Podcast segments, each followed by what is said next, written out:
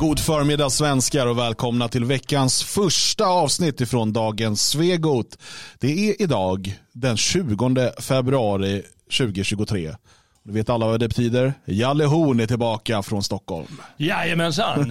Ja, jag var där och erövrade lite land. Mm, ja, men nu är jag tillbaka. Hur, eh, hur var huvudstaden? Jo, den eh, var slagen i spillror av horder av konstiga varelser. ja, nej, den var så, ja, lite trevligt inne i stan. Så det är vintertid så man tänker inte så mycket på om det är liksom egentligen, det är mest obehagligt för att det är alltid så rått. Eh, ja. men alltid rått och sådär. Eh, sen var jag ute i förorten eh, eh, lite grann ute i Hässelby mest. Så jag var inte inne i stan så mycket. Men jag var där en dag och kollade runt lite och tyckte väl att det var... Träffade du Ken Ring? V vad heter han? Ken Ring. Ja, min... Hässelbys finaste trubadur. Aha, ja, ja, ja, okej, han är från Hässelby. Ja, nej, jag är inte själv så hemmastad i Hässelby, utan det är mest släktingar som är. Blev det någon uh, helikoptertur över stan? Jag har ju märkt, du är lite av en globetrotter. Jag, ja, när du besöker storstäder, New York ja, sist här, så flög du ju privathelikopter. Ja, ja. Nej, nu, eh, nu tog jag så här drönarfärd. Ja. Det är nya. Man hänger ja. upp sin man, sele. Man hänger i den och så går omkring så här. Ja. Skithäftigt. Nej, men du har ju rätt i att det är en vidrig tid vi lever i just nu. Februari, slutet av februari. Igår, igår var det... Nej, I förrgår var det otroligt fint väder. Underbart. Ja. Det var torrt igår, det var torrt, lite kallt, stjärnklart, underbart. Vaknar i morse slask och vidrigheter. alltså, när jag var yngre så sa jag, ja, men det är bra, vi är vikingar. Nu är det så här, jag vill åka härifrån. Jag, jag vill till ett varmare ställe. Vad, vad Välkomna till det fria Spanien, vår nya förening. Ja! Ute på mal, mal, Solkusten, trevligt. DFS Ayia Napa. Kan, kan vi inte bara flytta studion ner dit så låtsas vi att vi egentligen ja. är i Älvsborg? Så länge vi har väggarna så här. Liksom. Allt är lugnt. Loggan där är kvar och allt får, jag kan till och med göra det ännu snyggare. Ja. Backlura in och representerar eh, in i chatten ser jag här, härligt. Um, vi har en uh, fullsmetad vecka utav dels sändningar från Dagens Svegot men också mycket jobb inför det fria Sveriges årsmöte som hålls om mindre än två veckor. Mm. Uh, så det är mycket förberedelser inför det. Uh, och dessutom nu i helgen så var det ju arbetsgille här i Svenska museet. Vad hände då Magnus? Ja, fantastiskt. Eh, det städades och fejades och putsades och målades och skrapades och skrattades och eh, kra nej inte kramades, eh, väldigt lite kram. Men sådär, trevligt. Vi, vi fixade källaren i Svenskarnas hus här och sen fixade vi kontoret fixade en liten um, vad heter det, ansiktslyftning. Um, Precis, det var på tiden. Eh, kontoret är ju det enda rum som vi inte hade renoverat. Precis, det har alltså varit orört. Alltså där eh, taket inte hade fickesats och väggar inte hade målats och sånt. Så ja. det har fått sin första, sin första varma hand nu. Precis. Så får precis. vi se vad det kan ta vägen. Nej, men det var jättetrevligt. Det var, det var en, ett antal eh, trevliga och eh, duktiga eh, medlemmar på plats som eh, slet på under helgen. Uh, åt och drack och hade det trevligt. Alla fick äta naturligtvis. Det var bara att komma förbi Tina, och få mat. Tina hävdar att det visst blev kram. Ja, Tina har rätt. Vi skulle inte prata om det där Tina. Men eh, okej okay då, nu när du säger det så. Kramades det en del också. Eh, var det besök. i källan eller? det, det, var, det var kanske i källan. Eller Sjöng du Pierre Isaksson snarare, går jag ner i min källare. Vad fan är Pierre Isaksson? Bas, eh, han med otroligt djup röst som dog på Estonia. Som sjunger Då går jag ner i min källare. Det blir då, ni får inte kolla upp det här, då kör vi det som fredagens reaktionslåt helt enkelt. Ja det får vi nog göra. Ja. Han har en otroligt djup stämma. Ja, det är ju fantastiskt. Hade. Ja, hade. Ja, men när du säger det med basstämma så kanske det klingar någonting. Han gick ner i sin sista källare. Från djupet, ja, jodå, jodå. Från djupet kom Nej, ja. nej. Too soon? Nej, ja det är för, för tidigt. Eh, något som inte är för tidigt är att prata om Annie Lööf. Nej, det är aldrig för tidigt. Det är på, på tok för sent ändå kan man ja, säga. Det skulle ha gjorts innan hon fick chans att bli partiledare. Ja, verkligen. Innan hon föddes. om man vetat då vad vi visste nu. Hade jag aldrig varit emot p-piller. ja, det är en otroligt bedrövlig människa det där. Men nu ska vi, vi ska gå in med det här med objektiva. alltså här, det pågår just nu en kamp. En kamp ja. om Annie Lööfs eftermäle. För att Det är inte länge sedan hon avgick. Avgick. Det var nära. Det var ett hårsmån. En hårsmån från döden var hon Ja. enligt, eh, vi ska komma till det. Och nu får man inte prata om henne. Nej, jo, fast inte som vi ska. Det får vi se hur vi ska. Ja. Ja. Jag har förberett, jag har tre, fyra hyllningspunkter här. ja, men då får man prata om henne som du ska. Ja. Men inte som andra gör. Och definitivt inte som, som kanske jag känner. Chatten undrar om du fortfarande är lite tänd på henne eller? Annie Lööf? Ja, du, det här har du berättat om tidigare. Berätta. Nej. Jag är nyfiken. Jag jag måste höra det här. Jag nu sa, i nej, jag vet, det var en förflugen kommentar för många år sedan. Jag tyckte Jo, bara att Sånt hänger kvar. jag Internet glömmer inte. nej, det, det är något, att internet inte glömmer, det är något jag vet allt om. ECE skriver Annie är milf, ska inte ljuga. Ja, men jag håller inte med sig. Jag har ändrat mig helt och hållet på den punkten. Jag tycker hon är, hon är förskräckligt eh, oattraktiv. Faktiskt. Jag, jag, det var vid något tillfälle för några år sedan när hon var på någon debatt och sådär. Hon såg lite trevlig ut och så. Jag råkade säga det. Men har du tänkt på hur många sätt hon skulle kunna läxa upp dig? Jag, jag finner den här, det här alltså, så som samtalet nu har valt väg, finner jag väldigt obehagligt. Däremot så skulle hon behöva sig en uppläxning, både en och två. Ja, det är kanske det som gör Ja. att du tänker dig att det kan bli kul. Jag vet inte vad, vad det som har gått att du har gått och varit lite små, småbetuttad Nej, henne. men det, det har jag inte varit. Va? Alltså, det, var, det var ett förfluget ord. Ja. Ja. Det var tre, fyra avsnitt som bara handlade om din... Nej, det var... Det handlar inte ens om din kärlek, men din kåtma. Här hittar vi på nya ord också. Det är ändå fantastiskt. Nej, eh, det stämmer inte. Däremot så, så konstaterade jag det. få jobb. Uttrycker Det är klart. Hur uttrycker du dig? Ja, fantastiskt. Men, men sen så har jag noterat också att hon är väldigt tom i blicken. Åt att få jobb. Uttrycker Det är klart. Jag får inte säga sådär. Nej. Ja. Ja, Ja. så är det. Varför, okay, det pågår det här kriget då om, om eh, eh, Annie Lööfs eftermäle. Centerpartiet vill ju måla ut henne som, hon var ju liksom de liberala värdenas och människovärdets förkämpe. Medan de bruna krafterna försökte att eh, slå sönder eh, sammanhållningen och kärleken i Sverige så stod hon upp som en, en riddare i stormen och höll Sverigedemokraterna stången. Hon berättar själv för Helsingborgs Dagblad hur hon vill bli ihågkommen. Och då säger hon, jag vill bli ihågkommen som den som höll SD borta från makten. Någon poängterade att när hon blev partiledare hade SD runt 5%. Eh, när hon slutade hade de över 20.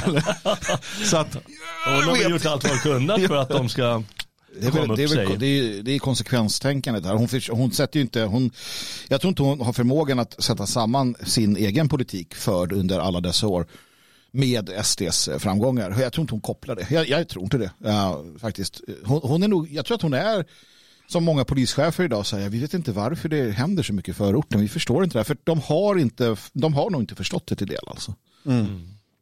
Nej, jag, jag, jag satt ju och tänkte på lite, försöka hitta ord eh, som skulle kunna träffa henne och jag tycker att hon verkar ganska ointelligent om jag ska vara helt ärlig. Och det, som du sa, tom i blicken och någon Ja. sorts själlöshet. Och det, det stämmer ju då att hon inte fattar de här sambanden. Nej. Vad hon jag- har sagt och vad som händer med SD då. Nej, för det, blev, jag blev, det finns ju olika typer av ledare inom, inom de här eliterna. Å ena sidan har du de som vet precis vad de gör, alltså narcissister och psykopater.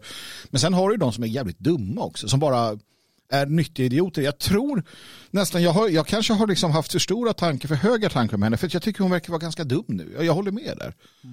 Um, men jag vet inte, alltså, det är svårt, det är svårt. Va? Men um, sen är det ju sant att hon har ju hållit, eh, alltså inte att hon har hållit liksom, SD borta, men hon har ju varit stenhård med att inte... Jo, liksom- men, men där, och det är där som tyder på hennes dumhet. För att absolut på kort sikt så har hon sett till att SD inte har kommit in i liksom regeringsmakten. Mm. Men vad har det haft för långsiktiga konsekvenser för SDs stöd hos befolkningen? Mm. Och vad har det haft för långsiktiga och även kortsiktiga konsekvenser för Sverige? Mm. Det är som att de sakerna, det är lite som att hon inte klarar av att göra liksom en tvåstegsanalys. Att om jag gör, hon ser vad som händer direkt. Mm. Ah, gör jag så, då kommer inte SD till makten just nu. Okej, men vad betyder det mer? Uh, Jag vet inte. Nej. då, är bara, då är det bara tomt liksom. Frågan är ju det, för vi hade ju henne tippad som eh, partiledare. Ja, eller inte partiledare utan statsminister efter att hon besökte, eh, Nu ska vi se, det var, det var Bilderberggruppens möte hon besökte. Ja. Um, och, och det var innan valet där och vi hade ju henne lite tippad eftersom hon hade varit där. I princip är det nämligen som så att alla svenska politiker som åker och besöker det där Bilderberggruppen i samband med val lyckas också bli parti eller bli eh, statsminister efter. Det brukar vara så den som är där just det året Ja. eller så. Ja, precis. Och det kan ju bero på att eh, alla toppar, tippar dem för att de ska bli det och därför blir de inbjudna också såklart. precis. Mm. Men i alla fall, hon blev inte det. Men det var ju också att, det var ju en väldigt stökig tid vi, fick, vi kom till det då. Det var ju med de stora eh, överenskommelserna hit och dit och det, var liksom, det drogs i långbänk med regeringsförhandlingar och så vidare. Och, så vidare. och där försvann ju hennes chans. Jag tror nog att hon själv kanske trodde att hon skulle få kliva fram och vara den här enande kraften, landsmoden. Hon hade någon sån här, eh, hon hade någon sån här eh, inte är utav det, utan att hon själv hade en självbild av att hon skulle vara den breda mitten och så vidare och så vidare. Det här att hon En skulle, bje- bjeda. den bjeda, ja just det, hon kan ju inte ens det, den bjeda mitten som hon skulle då ja, åt att få jobb. Det är klart. förlåta ni, förlåta ni, förlåta ni. Det, den man, eh, ja, agar. Punkt. Men okej, men vad, det är liksom att säga det där, men liksom, vad förstod hon, vad visste hon? För att anledningen till att vi bara tänkte att vi skulle prata om Annie Lööf, det är dels en det, det är liksom kvasidebatt eller vad man ska säga, som har varit de senaste dagarna. Eh, men också då att vi häromdagen fick tillskickat oss från en, en eh, lyssnare eller tittare som eh, påminde oss om det här föredraget som eh, som hon, mycket, som hon delade på tog på då av Assar Lindbeck, eh, professorn i nationalekonomi. Um, för det här, det här har jag sett förut liksom, och det här är då poängen i här att han förklarar ju att du inte kan ha en hög invandring och behålla liksom välfärden och eh, lönerna och sådär. Eh, och Annie Lööf sitter ju längst fram, det är, han, föreläser ju för Centerpartiet. Vi kan bara kolla på vad Assar eh, Lindbeck som, han gick ju bort här om året bara. Han. Eh, Men vad, vad, eh, vad det var han sa till, eh, till dem. Ska se. Eh, prata lite ni så ska jag ladda om den där. Ja, För- Assar Lindbeck är en intressant man här. Han är ju väldigt duktig på ekonomi var han. Ja, och eh, kunde på olika sätt och vis föreläsa om det för eh, tunga, tunga politiker och liknande. Um, jag vet inte vad du tycker om Assar. Ja, det var så länge sedan han var med i gamet eh, så att säga. Så eh, jag kommer inte ihåg allt. eh, Men, men det är som du säger att han, eh, han kunde i alla fall eh, lägga fram, lägga fram så det blev förståeligt Precis, och också för var han. vital. Ja. det, man, man, Förstår man fick ett grepp om det. Också för Annie Lööf, tror du det? Jo, men, det- och det här är ju runt när hon blir, när hon blir partiledare där för en 10 10-12 år sedan. Eh, och eh, det är ju väldigt tydligt vad han säger. Ja. Vem som helst borde förstå det här, till och med Annie Lööf. Nu ska man ha klart för sig att man kan inte lösa de här problemen enbart genom en mer flexibel arbetsmarknad Är det något fel på ljudet? kommer, sig. Lönespridning. Det kommer ta sig. Det, det finns nämligen gränser för hur stor lönespridning ett civiliserat samhälle kan acceptera utan att det blir spänningar och or- orättvisor som upp, människor kommer att upp, uppleva. Det är därför naivt att tro också att eh, sysselsättningssvårigheterna för invandrare kan lösas genom att man vid fri invandring låter lönerna falla till den nivå som eh, där lågutbildade som inte kan svenska också, också får jobb. Ett rikt land som Sverige med 9 miljoner invånare i en värld med många miljarder fattiga kan omöjligen ha fri invandring. De måste ha restriktiv invandring. Och den måste vara ganska restriktiv om man ska skydda löner och välfärdssystem i rika länder. Det är fullständigt ofrånkomligt. Redan Gunnar Myrdal insåg det för många år sedan när han skrev att välfärdsstaten är ett nationellt projekt. Och med det menar han att de förmåner en nation lyckas eh, skaffa genom att ha en framgångsrik ekonomisk utveckling i hundra år, de kan man inte erbjuda resten av världen utan att våra system eh, går omkull. Ja, Det är väl ganska tydligt. Och, och, och han pratar ju här bara ur ett rent eh, nationalekonomiskt perspektiv. Det finns inga andra saker han lägger Nej, in här. nej. Utan liksom, Det är pengar. Ja, ska, ska samhället fungera, ska lönerna hållas relativt höga, ska vi kunna ha någon typ av välfärdssystem, ja, då måste vi ha en hårt reglerad invandring. Ja. Medan Annie Lööf senare eh, då gick ut och förespråkade exakta motsatsen. Mm. Hon pratade om de här 40 miljoner invandrarna mm. vi skulle kunna ha. Hon har velat liksom sänka lönerna kraftigt. Det har ju varit en sån sak hon har drivit för att fler ska kunna få ett första jobb. Mm. Um, och då pratar hon ju om att analfabeter ska kunna, ja, men det är klart att om du har ett företag så vill du inte anställa en somalisk analfabet för kollektivavtal. Mm. Men då kan du få in en, eh, en eh, somalisk analfabet för 10 spänn i timmen. Mm. Ja, men då kanske det är värt det. För den kan alltid gå och sopa i något hörn eller göra någonting. Mm. Det blir slavliknande förhållanden.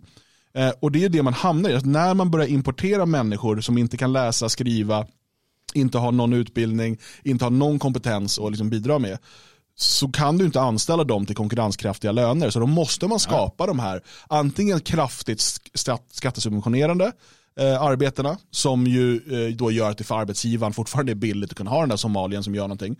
Eller så måste du bara sänka lönerna kraftigt. Mm. Eh, och det, det, är ju det som, eh, som Assar är inne på här. Och, och samma med eh, såklart eh, hur det här då på, påverkar välfärden. Det här är ju ganska enkla saker att förstå. Mm.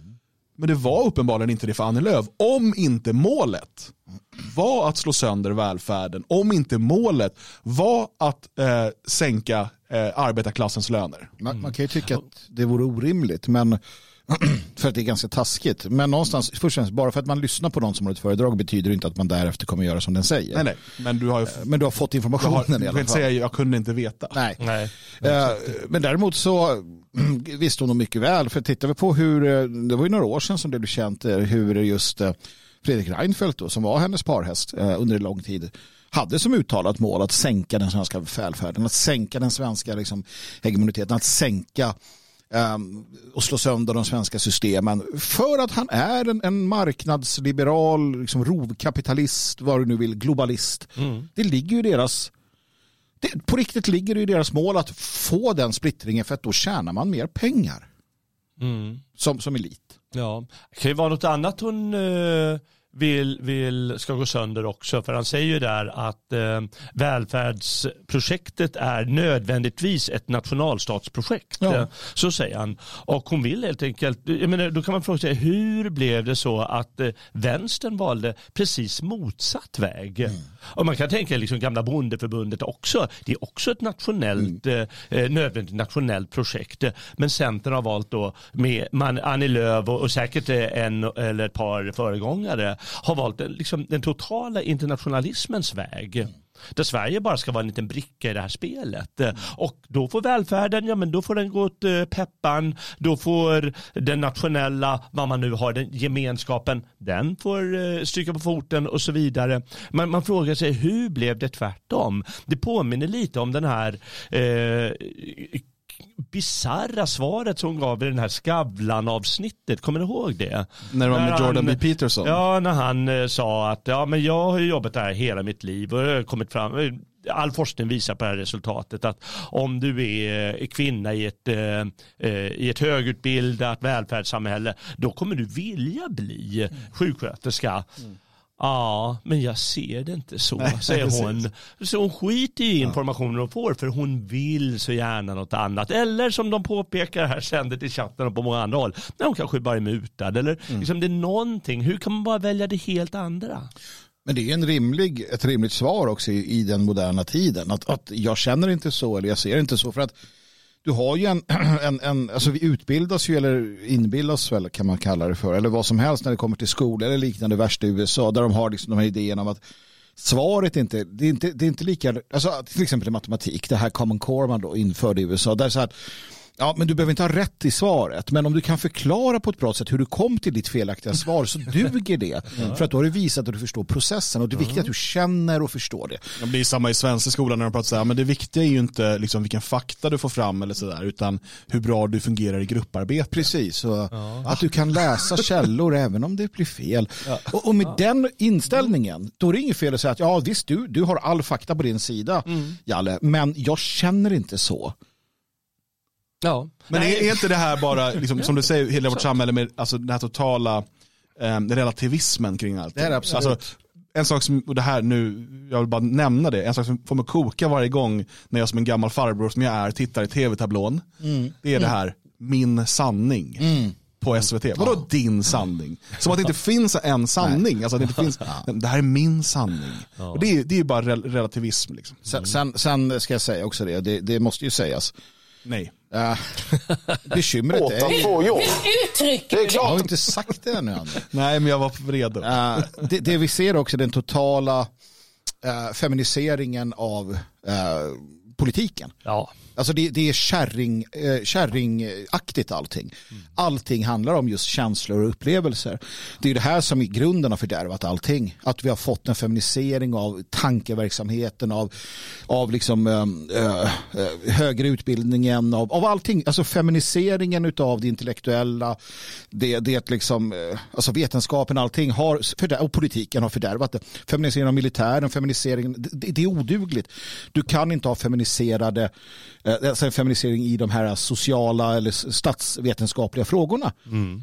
Feminint tänkande hör hemma eh, i, i sociala strukturer likt hemmet, familjen, eh, så det mindre samhället, bygemenskapen och så vidare. Hör inte hemma eh, på det sättet det har blivit idag. Och där har du egentligen grunden till problemet. Ska vi titta då på vad den, den nuvarande då kvasidebatten om Annie Lööf handlar om eh, och var den fick sitt, sitt ursprung då. Det var faktiskt på SVT där migrationsminister eh, Maria Malmer Stenergard eh, hon skulle börja försvenska sitt namn känner jag. Tycker jag med hon norsk infiltratör. Ja, man kanske väljer ett av dansk? Vet namnen. Ja, eller hur? Välj ett namn. Sluta, sluta med det här nu. Dubbelnamn borde förbi. Och, eh, för då sa hon nämligen så här, eller först kommer det då en liten, eh, ett litet, ett litet förspel utav, eh, utav SVT-ankaren Anders Holmberg han, va? som då refererar till sanningens källa. Och då låter det så här. Det är din tidigare allianskollega Annie Lööf. Eh, när hon blev intervjuad av Expo eh, så beskrev hon konsekvenserna av Tidöavtalets migrationspolitik så här. Det här påverkar människor i deras vardag. Efter att Tidöavtalet presenterades har jag mött så många människor som är oroliga. De upplever att de möts av rasism eh, som de aldrig mött tidigare. På skolan, på arbetsplatsen, i tunnelbanan. De är oroliga Tror ni på det här? Tror ni att efter Tidöavtalet presenterades så har svenskar liksom börjat attackera invandrare planlöst? Ja, Jag och tänker att så man då kan göra studier av det dessutom och se att det verkligen är så. Ja. Om inte hon eh, Stegergard säger det här att eh, Annie, Annie Lööf ljuger, hon har inte alls träffat många människor. Jag är också politiker, vi säger så här, vi träffar i princip Det här, är inga människor. det här är ett retoriskt grepp som Annie Lööf använder. Ja, det här är lögn. Hon har träffat i princip ingen förutom sina nära och sina kära och så tycker hon en massa saker. Hon är en jävla lögn. Fast det här är ju Annis sanning. Ja, det är Annis sanning, precis som känner så oroliga för sin personliga tillvaro. Hur blir det med mina barn när de växer upp i ett sånt här samhälle? Det förtär det demokratiska samhället och samtalet. Vem, vem, vem träffade hon? I vilket getto som var Ey Abdullah, det är för det, det, det krök samhället, va? det här dåligt pratet. Ja, men det kan vara ett citat från henne tror jag i den, den intervjun med Expo. Ja, men så, det är, alltså helt, att, ja, Förtär det demokratiska samhället. Hur Eh, uttrycker du dig? beskrivning här, att er politik gör att människor med utländsk bakgrund känner sig mindre trygga. Hur tänker du kring den? Vi har alltså eh, fortfarande inga konkreta exempel. Eh, nyligen så publicerades ju på SVT ännu en sån här video på ett eh, grovt sån här förnedringsmisshandel, eh, rån vad det nu var för någonting. Eh, i, jag tror det var i Malmö. Eh, där ett, ett, ett stor grupp eh, invandrare förnedrar och kallar dem för hund och så här, det är här typiskt muslimer Ja. och, och misshandlar en ung svensk pojke. Eh, och vi ser gång på gång den här typen av saker.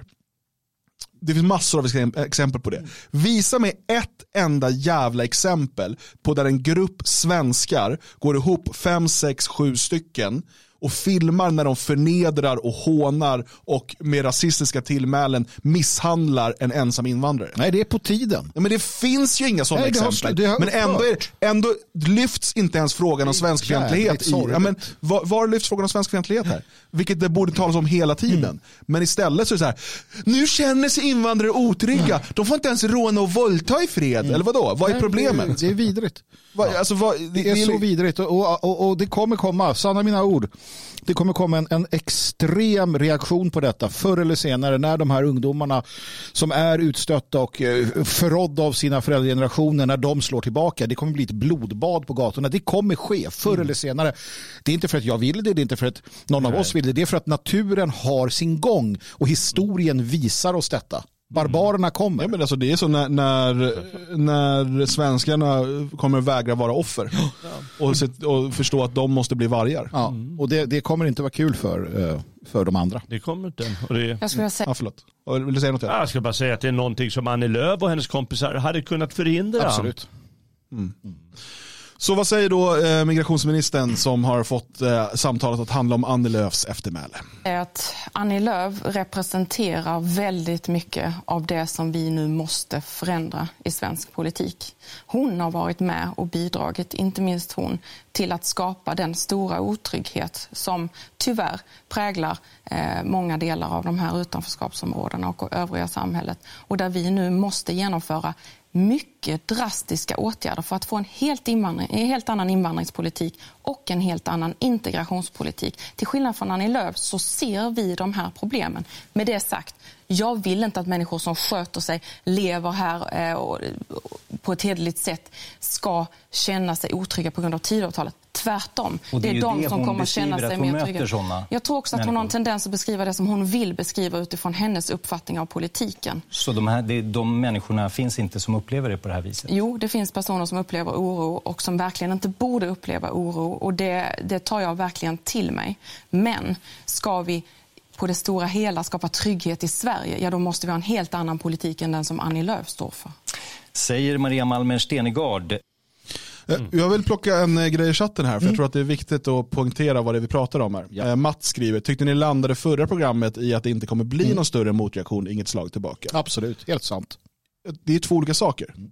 Alltså att, att enskilda svenskar, eh, vi ser ganska många, unga svenskar kommer börja slå tillbaka på olika sätt är inte samma sak som att det blir en stor politisk förändring, en stor liksom resning. Utan det som kommer ske och det vi har pratat om, jag tror vi pratade om det i det avsnittet som jag refererar till, är ju att när den här reaktionen kommer så kommer den förbjudas och slås ner av mm. staten. Mm. Mm. När eh, vi väl kommer till det, det läget där ett, ett rejält ska man säga, radikalt politiskt alternativ växer starkt så kommer det förbjudas. Mm. Precis som man gjorde i Belgien, precis som man gjorde i Grekland, precis som man vill göra i Tyskland.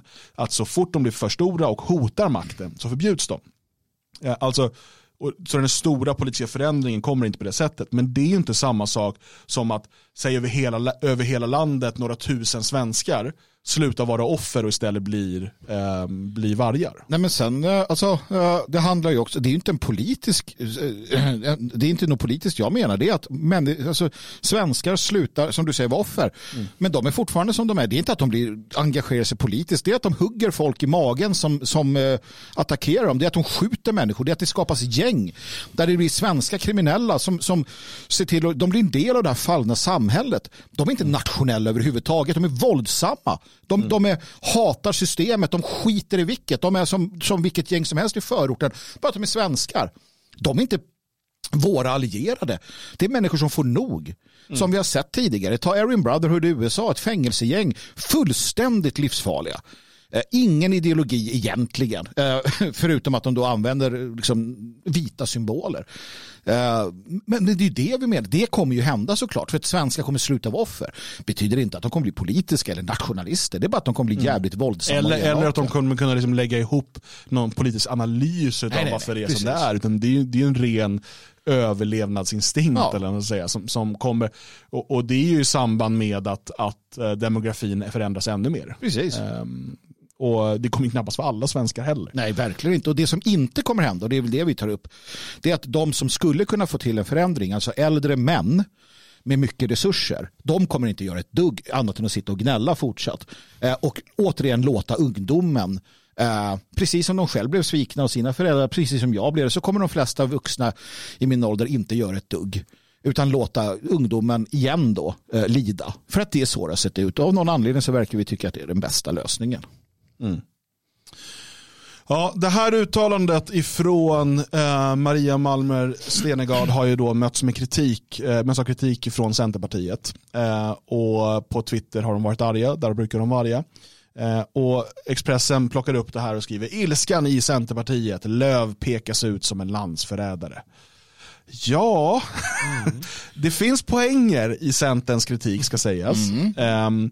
för att ehm, det, det som eh, de bland annat tar upp här då, eh, så, så, säga, då säger Emma Wiesner, då, EU-parlamentarikern, säger jag tycker att det är ovärdigt Moderaterna. Jag frågar mig vad det är som händer när man går till attack mot en person och målar upp henne som orsaken till Sveriges trygghet.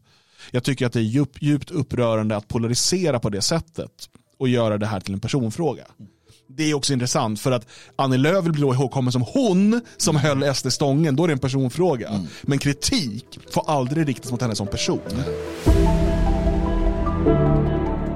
Vill du höra mer om Annie Lööf? Eller om det framväxande övervakningssamhället?